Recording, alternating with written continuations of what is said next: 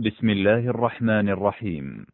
يسر موقع المسلم أن يقدم لكم ضمن سلسلة دروس البث الحي العلمية لفضيلة الشيخ الأستاذ الدكتور ناصر بن سليمان العمر تسجيلا لهذا الدرس وذلك في تفسير سورة القصص. بسم الله الرحمن الرحيم. الحمد لله رب العالمين والصلاة والسلام على نبينا محمد وعلى آله وأصحابه أجمعين. نواصل مع هذه السورة العظيمة سورة القصص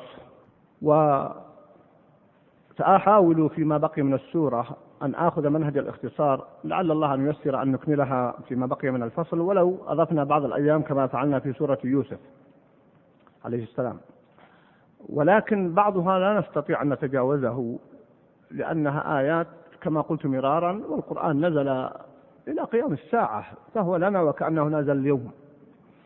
بعد أن انتهى من قصة موسى هذه القصة العجيبة التي فيها تلك الدروس ووقفنا مع هذه الوقفة الطويلة قال الله جل وعلا عن كفار قريش.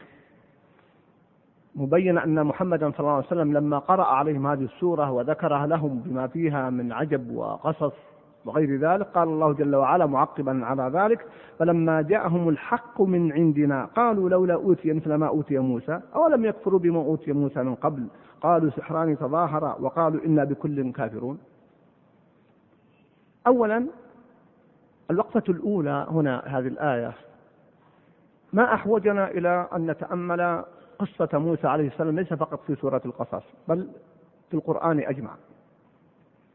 وخاصة أنه لم تكرر قصة في القرآن كما كررت قصة موسى عليه السلام. وأولا لأن أهل الكتاب كانوا يعيشون بيننا بينما أغلب الأمم التي كانت من قبل انتهت بإهلاك الله جل وعلا لهم. فبينما أقصد الأمم التي كفرت بالأنبياء. أما أهل الكتاب الذين آمنوا بموسى بقوا ثم حرفوا وبدلوا فبقوا أيضا وكانوا حتى مخالطين للصحابة. يعني كانوا في المدينة كما تعلمون.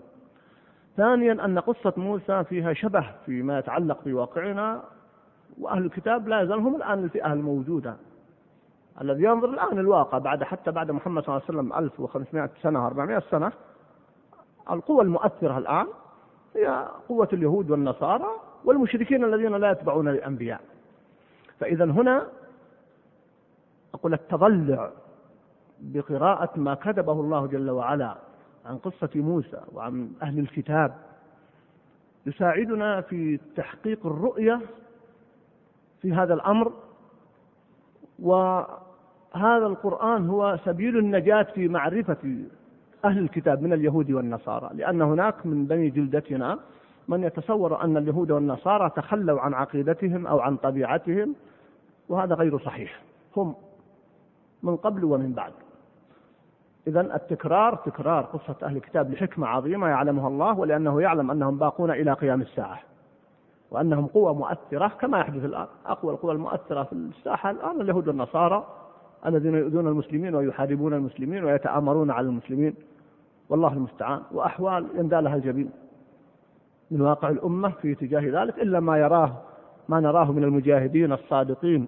سواء في فلسطين أو في العراق أو في الشيشان أو في طبعا حتى الشيشان أمام نصارى بين الشيوعيين الملحدين وبين النصارى. ولذلك هؤلاء المجاهدون لا شك هم أمل. المجاهدين يقول في فلسطين وفي غيرها مواطن الجهاد الصحيحة أمل للأمة جل وعلا. وإلا واقع الأمة واقع محزن كما سنرى إن شاء الله أكثر في بعض الكلمات التي سأذكرها حول هذه الآيات. آه ثانيا أيضا الله سبحانه وتعالى ذكر هذه القصة وعقب عليها لما حدث من كفار قريش. بدل أن يؤمنوا ويسلموا ويقبلوا بدأوا الآن بالجدل والتناقض. وهذا دأب أهل الأهواء كما سيأتي بعد قليل دائما وأبدا. ولذلك انظروا التناقض. فلما جاءهم الحق من عندنا قالوا لولا أوتي مثل ما أوتي موسى أولم يكفروا بما أوتي موسى من قبل؟ يتناقضون قبل فترة يقولون أبدا ينكرون الرسالات جميعا. الآن تطالبون أن يؤتى محمد بمثل ما أوتي موسى عليه السلام بالآيات التي جاء بها وغيرها. طيب أنتم هل آمنتم برسالة موسى حتى تعتبروها مقدمة لإيمانكم برسالة محمد صلى الله عليه وسلم؟ إذا القاعدة كما ذكرت الأسبوع الماضي أهل الأهوى يتناقضون. ولذلك عقب الله جل وعلا على هذه القصة أنهم أهل أهواء ومن أضل ممن اتبع هواه. فهذه أيضا وقفة أخرى في قال المفسرون إن قولهم لولا أوتي مثل ما أوتي موسى قالوا سحران تظاهرا قالوا هذا من تلقين أهل الكتاب لهم هم أصلا مشركون كفار يكفرون برسالة محمد وجميع الرسالات. ولكن لقوة ارتباطهم بأهل الكتاب يأتون بهذه الأفكار فيتناقضون. ألم تر إلى الذين أوتوا نصيبا من الكتاب كما في سورة النساء. ماذا قالوا هنا تجدون أنهم أخبروهم وأعطوهم وأملوا لهم. يقول هؤلاء أهدى من الذين آمنوا سبيلا وغير ذلك. وسبحان الله ما أشبه الليلة بالبارحة. ارتباط وثيق بين الكفار على جميع الملل من اليهود والنصارى وغيرهم. ارتباط حتى من المنافقين مع أهل الكتاب. هي نفس الصورة. أتواصوا به؟ قالوا سحران تظاهرا. أتواصوا به. بل هم قوم طاغون كما قال الله جل وعلا. كذلك ما أتى الذين من قبلهم من رسول إلا قالوا ساحر أو مجنون. أتواصوا به. بل هم قوم طاغون. الآن نسمع ونقرأ ونلاحظ في وسائل إعلام كثيرة وغيرها نفس الكلام الذي يردده المشركون ويردده المنافقون ويتعجب الإنسان. لكن يزول العجب عندما يقرأ قوله تعالى أتواصوا به. بل هم قوم طاغون. قالوا سحران تظاهرا. أي اتفقا وتضامنا قرأت سحران والجمهور على قراءة ساحران تظاهرا وهي قراءة سبعية صحيحة. قالوا ساحران تظاهرا. والقراءة الأخرى التي هي لعاصم وحمزة والكسائي وخلف قالوا سحران. فهي قراءة قراءتان سبعيتان. قالوا سحران تظاهرا وقراءة أخرى قالوا ساحران تظاهرا أي اتفقا. ثم رد الله جل وعلا عليهم قل فأتوا بكتاب من عند الله هو أهدى منه ما أتبعه. أولا نأخذ أنه لا بد من أسلوب المناقشة مع الخصم والتنزل معه. وأصلا مستحيل أن يكون أن يأتوا بكتاب أهدى من هذا الكتاب. فقول هنا قل فأتوا بكتاب من عند الله وأهدى منهم أتبعه كلمة أتبعه وقف عند المفسرون. لا يمكن أن نتبع النبي صلى الله عليه وسلم غير الكتاب الذي جاء به. لكن قالوا من باب التنزل مع الخصم. قل إن كان للرحمن ولد فأنا أول العابدين. ولا يمكن أن يكون. لكن قال من باب الجدل والتنزل مع الخصم ولذلك كما أشرت مرارا المناقشة والجدل لها أهلها. ليس كل إنسان مهيأ لهذا. فنصيحتي للأخرى أن نبتعدوا عن هذا الجانب إلا من هو أهل له لأنه قد يكون فتنة. ورأينا بعض الأخوة الطيبين الأخيار دخلوا في مناظرات مع أهل الباطل فكانت مصيبة وكارثة على على الحق ليست على أشخاصهم لأن موقفهم كان ضعيفا. فالناس يفتنون بذلك. الناس يفتنون بهذا الأمر.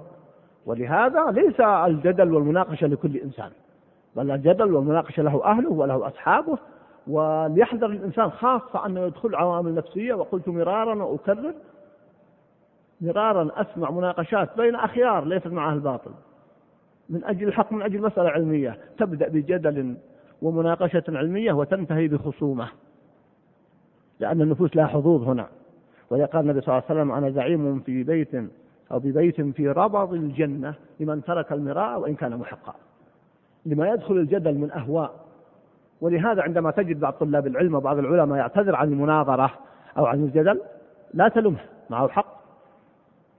إما أنه يخشى أن تكون هذه المناظرة لها سلبياتها نعم أو أن تكون فتنة. وأذكر من الفقه الذي والله لا أمل من آه، سماعه أقصد الاستفادة منه ما تسمعونه مني مرارا سماحة الشيخ عبد العزيز بن باز رحمه الله. طلب أحد الخوارج ممن يرى ويعتقد عدم رؤية الله جل وعلا يوم القيامة يعني المؤمنين ينكرون الرؤيا كما تعلمون المعتزلة والخوارج ينكرون الرؤيا. والصحيح أنها ثابتة للمؤمنين يوم القيامة نسأل الله أن يجعلنا إياكم ممن يرى لعله يكرمنا بذلك. فكتب رسالة للشيخ عبد العزيز هذا قبل القنوات الفضائية وطلب منه هو شخص ليس بالسهل أعرفه يحفظ صحيح البخاري ومسلم بل أظن يحفظ كتب الستة ويحفظ القرآن. وليس بالرجل تقول من عامة الناس. أو من عموم طلاب العلم في منهجه ومبدأه. فطلب المناظرة مع الشيخ في موضوع الرؤية. فجاء الناس. للشيخ قال يا شيخ فرصة لمناقشة هذا الرجل في مناظرة علنية. طلب من الشيخ أن يناقش مناقشة علنية. فالشيخ بعلمه وحكمته وبعد نظره رحمه الله اعتذر. فبعض الناس استغرب يا شيخ هذه فرصة؟ قال لا.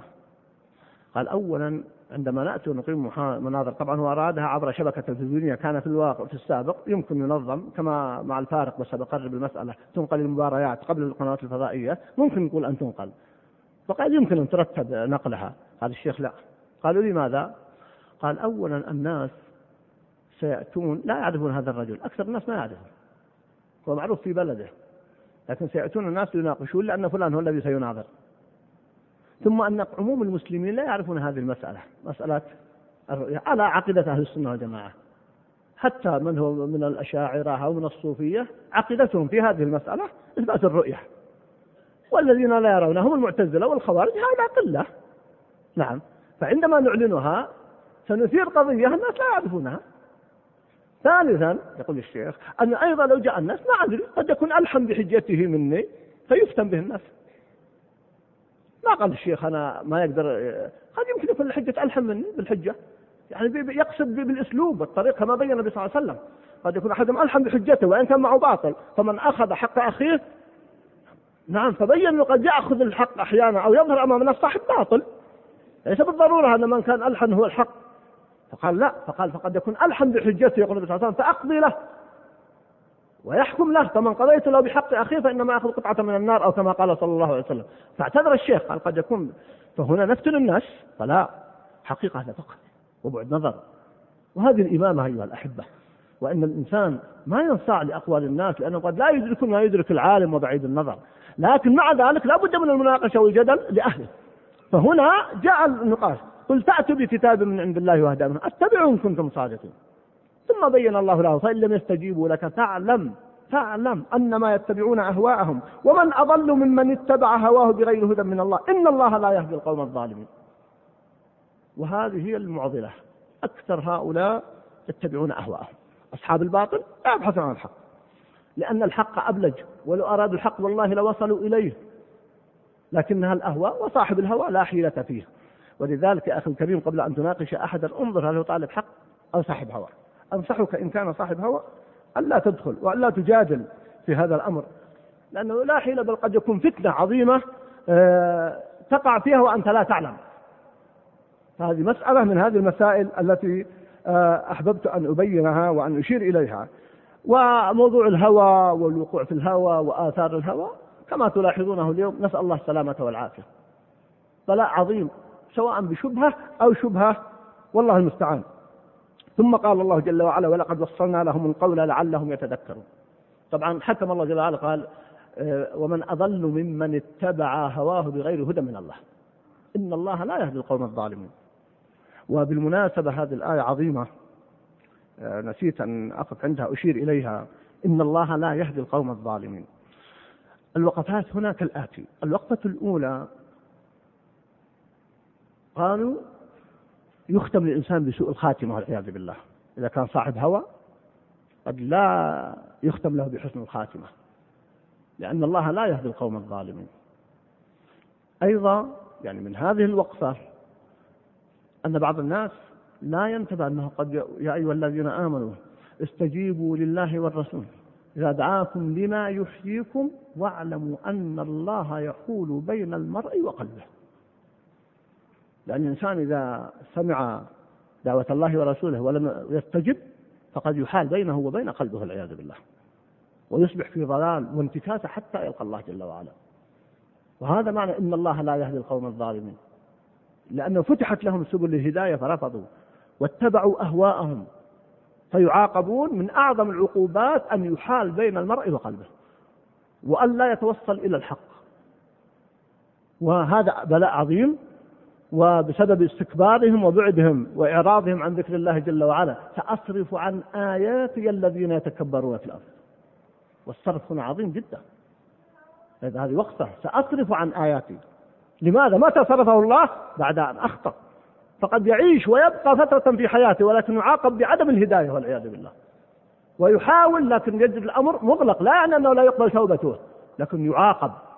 هذه دلالة هذه الآيات في هذه المسألة. قال الله جل وعلا ولقد وصلنا لهم القول لعلهم يتذكرون. ما معنى وصلنا لهم القول؟ ذكر العلماء عدة تعريفات. إما نقول وصلنا لهم القول أي أوصى القول المقصود به القرآن والذكر كما قوله جل وعلا آه إنه لقول فصل ولقوله إنه لقول رسول كريم المقصود بالقول هنا القرآن. ولقد وصلنا لهم القول أي أنزلنا عليهم الكتاب. فهي توصيل للقول وإنزال للكتاب. أو وصلنا لهم القول نزلناه منجما يوصل بعضه ببعض. أليس ينزل القرآن عن النبي صلى الله عليه وسلم؟ فيقول ضعوها هنا. ثم تنزل الآية يقول ضعوها هنا. حتى في الأخير قبل وفاة صلى الله عليه وسلم اكتمل القرآن. كوصل حبل بحبل. وصلنا لهم قول وتوثيق. أو وصلنا لهم القول قال بذكر القصص وما يأتي فيها من اعتبار. من وعيد وعد ووعيد وترغيب وترهيب وغير ذلك. كل توصيل للقول بعضه خلف بعض والمعنى كله يصب في النهاية معنى واحدا. ولكن حكمة الباري جل وعلا ورحمته بالعباد أنه نزله منجما لعلهم يتذكرون لأنه لو نزل مرة واحدة قد لا يستفيدون منه كما يستفيدون وهذه الحكمة العظيمة. لولا أنزل عليه القرآن جملة واحدة. لولا أنزل عليه القرآن جملة واحدة احتجوا واعترضوا. وهم مخطئون في هذا. فالتنجيم له حكمة عظيمة. فلأن توصيل المواعظ والدروس والعبار والقصص لعل الله سبحانه وتعالى قال لعلهم يهتدون لعلهم يعتبرون لعلهم يتذكرون لعلهم يتعظون. بعد ذلك سأختم وإن كان الوقت يضايقني لكن اسمحوا لي إن تعدينا الوقت المحدد ولن أطيل إن شاء الله. معي عشر دقائق من الوقت المحدد إن زدت ثلاث دقائق فقط لأن موضوع مهم للغاية. فأنا بين أن أختصر الآن وأدعوه للأسبوع القادم أو أختصره سأختصر أفضل. لماذا؟ الآيات تقول الذين آتيناهم الكتاب من قبله هم به يؤمنون وإذا يتلى عليهم قالوا آمنا به إنه الحق من ربنا إنا كنا من قبله مسلمين. والله أقول عن نفسي كم مرة مرينا على هذه الآيات ما انتبهنا لما فيها من دلالة عظيمة وفوائد عجيبة. ولذلك أنا في حيرة بين أن أذكرها اليوم وأخرها سأبدأ وأسأل الله الإعانة إن اختصرت أكملنا في الأسبوع القادم. الواقع الذي نعيشه الآن يحتاج أن نتأمل هذه الآيات. ظل هذا الاضطراب والاستكبار من قريش والمؤامرة من أهل الكتاب من اليهود مع قريش هذا كله في مكة. يوجهنا الله جل وعلا في هذه الآيات توجيه عجيب. نصيحتي للأخوة كل واحد ممكن يتأمل هذه الآيات ويلتزم بها في هذه الأوضاع التي نعيشها لأن الوضع كما ترون صعب جدا. وكل يوم نسمع طامة ونسمع فتنة ونسمع بلاء. إلى اليوم أقرأ في الصحف وأسمع كلاما عجيبا لأحد الكتاب. يقول هذا الكاتب ومن خلل خلل المواطنة أن الصحويين كالقوميين. كيف؟ قال لأنهم يحبون المسلم الباكستاني والأفغاني وغير أكثر مما يحب أهل بلده ولو خالفوهم مذهبا ومنهجا. إي والله نشهد الله على ذلك. إننا نحب أخونا الباكستاني وفي أي مكان أحب إلينا ممن يخالفنا عقيدة ومنهجا. ويقول في آخر المقال جريده اليوم يعني ليست جريده اليوم إحدى صحف اليوم يقول إن لم يستدرك هذا الأمر ويعالج عبر المناهج الدراسية وعبر وسائل الإعلام فسيكون كارثة على البلاد. سبحان الله. ينشر بالخط العريض والرئيسي. واقرا المقال في آه، صحيفة الرياض. مقال رئيس اليوم في صحيفة الرياض. مقال خطير الحقيقة. متى كان الولاء لله جل وعلا عيب؟ متى كان الولاء المؤمنون بعضهم يا أيها المؤمنون بعضهم أولياء بعض هنا قضية الولاء والبراء. ونحن يحتاج الحقيقة المسألة إلى منهج وإلى صبر. يبينه الله جل وعلا كما فعلت قريش هناك. آذت المؤمنين ونشرت الأفكار الباطلة وتآمرت مع اليهود وبثت البلاء. فتأتي هذه الآيات. يقول الله جل وعلا الذين آتيناهم الكتاب من قبله هم به يؤمنون. هذه لها معنيان. إما أن نقول الذين آتيناهم الكتاب من قبله نعم هم به يؤمنون هكذا نقف نعم الذين آتيناهم الكتاب يعني من قبل القرآن أيضا آمنوا بهذا الكتاب. أو الذين آتيناهم الكتاب من قبله هم يؤمن به يؤمنون. أي آمنوا من قبل لأنه بشرهم عيسى وموسى بنبوة محمد صلى الله عليه وسلم فآمنوا والمعنيين واحد على كل حال. لكن على حسب الوقفة. وهذا فائدة علم الوقف والابتداء وأنصح الأئمة لأن يصلي بعض الأئمة يقرأ ويقف وقفات مزعجة تسيء فهم القرآن ولذلك علم الوقف والابتداء أعظم من علم التجويد وأهم من علم التجويد لأنه يتوقف عليه وهو من علم التجويد يتوقف عليه فهم المعاني والدلالات إذا نقول هذه ما هي هذه الصفات؟ يعني ما هو الفعل الذي وصفهم الله جل وعلا به؟ قال: وإذا يتلى عليهم قالوا آمنا به إن الحق من ربنا أن كنا من قبله مسلمين. ذكر العلماء أن هؤلاء وفد من نصارى نجران. وقيل إنهم وفد من نصارى الحبشة، وقيل لا المقصود بهم مرقد بن نوفل في مكة وعبد الله بن سلام وصهيب رضي الله عنهم الذين آمنوا صلى الله عليه وسلم، المهم أنهم ناس من أهل الكتاب آمنوا بمحمد صلى الله عليه وسلم. سواء قلنا من كان في مكة والمدينة أو قلنا إنهم جاءوا وفد كوفد نصارى نجران من أسلم منهم أو وفد نصارى الحبشة. هذه صفاتهم. وقيل إن أنهم جاءوا من الحبشة وأسلموا وسمعوا من النبي صلى الله عليه وسلم. ثم قابلهم أبو جهل فردوا عليه رد جميل جدا. هذا الذي أثنى الله جل وعلا عليهم. لما جاء لهم قال لهم خيبكم الله من وفد لأنهم جاءوا للنبي صلى الله عليه وسلم وقرأ عليهم سورة ياسين فأسلموا. فلقيهم أبو جهل فقال لهم خيبكم الله من ركب وقبحكم من وفد. ولم تلبثوا أن صدقتموه؟ أن صدقتم محمد صلى الله عليه وسلم. فردوا عليه قالوا سلام عليكم. لم نعد أنفسنا رشدا لنا أعمالنا ولكم أعمالكم. كان هذا ردهم على أبي جهل. كان أبو جهل وحزب أبي جهل يثيرون الفتن والبلاء والمحن والبلاء. ومع ذلك كانوا يردون عليهم مثلا فاصفع عنهم وقل سلام فسوف يعلمون. ما هي الصفات التي أقول نحتاج إليها؟ من هذه الصفات التي أسأل الله جل وعلا أن ييسر لذكرها وإلا كما قلت لكم أنا نحاول أن ذكر العلماء أنها سبع صفات. يحتاج كل واحد منا أن يتصف بها في ظل هذا الواقع الذي تعيشه الأمة. أولا قالوا أخروية هذه أخروية لأهل الكتاب. أخروية لأهل هذا الكتاب يؤتون أجرهم مرتين. طيب أين نصيبنا نحن من هذه؟ نصيبنا أعظم. كيف أعظم؟ هؤلاء يؤتون أجرهم مرتين. نحن قال النبي صلى الله عليه وسلم القابض على دينه. كالقابض أجر قال ليتني رأيت إخواني. قال ألسنا إخوانا قال لا. إخواني الذين لم يأتوا بعد أنتم أصحابي. فذكر النبي صلى الله عليه وسلم في حديث آخر أن لهم أجر سبعين أو خمسين أو سبعين. قالوا منا يرفع منهم. قال منكم. يعني في هذه المحن العظيمة التي تعيشها الأمة الثابت على دينه والقابض على دينه كالقابض على الجمر له أجر خمسين أو سبعين من الصحابة. هذا أمر عظيم. فما أحوجنا إلى هذا الفهم وهنا وعد الله أهل الكتاب بأنهم يؤتون أجرهم مرتين لأنهم آمنوا بموسى وعيسى عليهم السلام ثم آمنوا بمحمد صلى الله عليه وسلم. كما قال الله جل وعلا كفلين من رحمته في سورة الحديد. هنا أيضا يؤتون أجرهم مرتين. ونحن لنا أجر أعظم من ذلك. وقد ذكر النبي صلى الله عليه وسلم في الحديث حديث أبي موسى قال ثلاثة يؤتون أجرهم مرتين رجل من أهل الكتاب آمن بنبيه وأدركني فآمن بي واتبعني. الثانية الصفة الثانية الصبر. وهي من أعظم صفات وخصال الرجال وخصال المؤمنين. وقد ورد الصبر في القرآن في قرابة تسعين موضع. ومن أحوج ما نحتاج إليه اليوم هو موضوع الصبر لكثرة الاستفزازات وكثرة البلاء وكثرة الفتن وكثرة المحن. الصبر أيها الأخوة ليس عملا سلبيا. الصبر عمل إيجابي فعال. هو ليس الشديد بالسرعة وإنما الشديد الذي يملك نفسه عند الغضب. بسبب عدم الصبر حدثت فتن حدث بلاء حدث اضطراب حدثت كوارث. فهنا أثنى الله عليهم أنهم صبروا فأثنى عليهم صفة الصبر. والله من أحوج ما نحتاج إليه اليوم هو الصبر. بمعناه الصحيح. ما أحوجنا أن نأخذ في دروسنا آيات الصبر وأن نقرأ آيات الصبر لأن البعض مع كل أسف يتصور أن الصبر عجز. بينما الصبر قوة. كم جاءني من الشباب من يقول إلى متى نصبر؟ سبحان الله. النبي صلى الله عليه وسلم يقول لآل ياسر صبرا آل ياسر فإن موعدكم الجنة. صبرا على ياسر فإن موعدكم الجنة. يعني لو نقف ما نحقق شيء إلى يوم القيامة.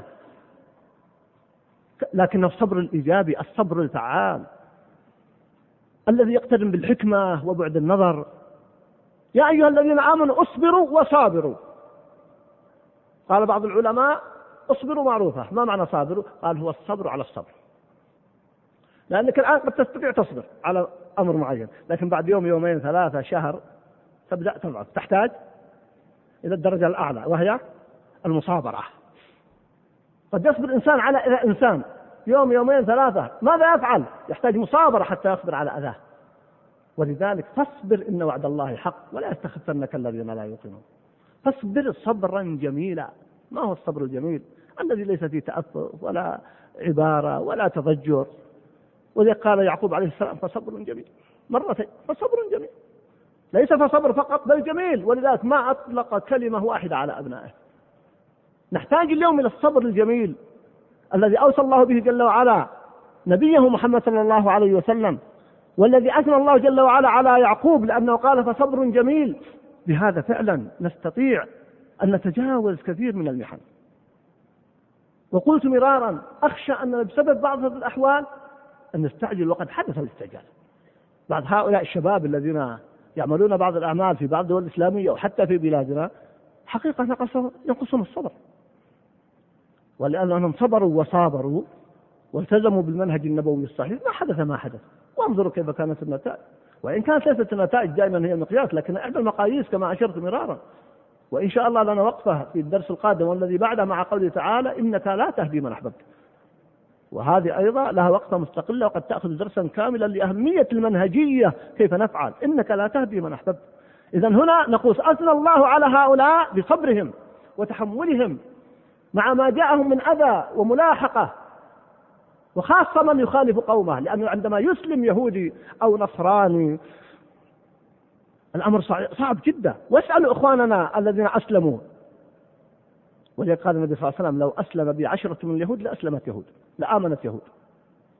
لأن صعب على الإنسان أن يخرج عما عليه أهل بلده وأهل منطقته فيحتاج إلى صبر ومصابرة.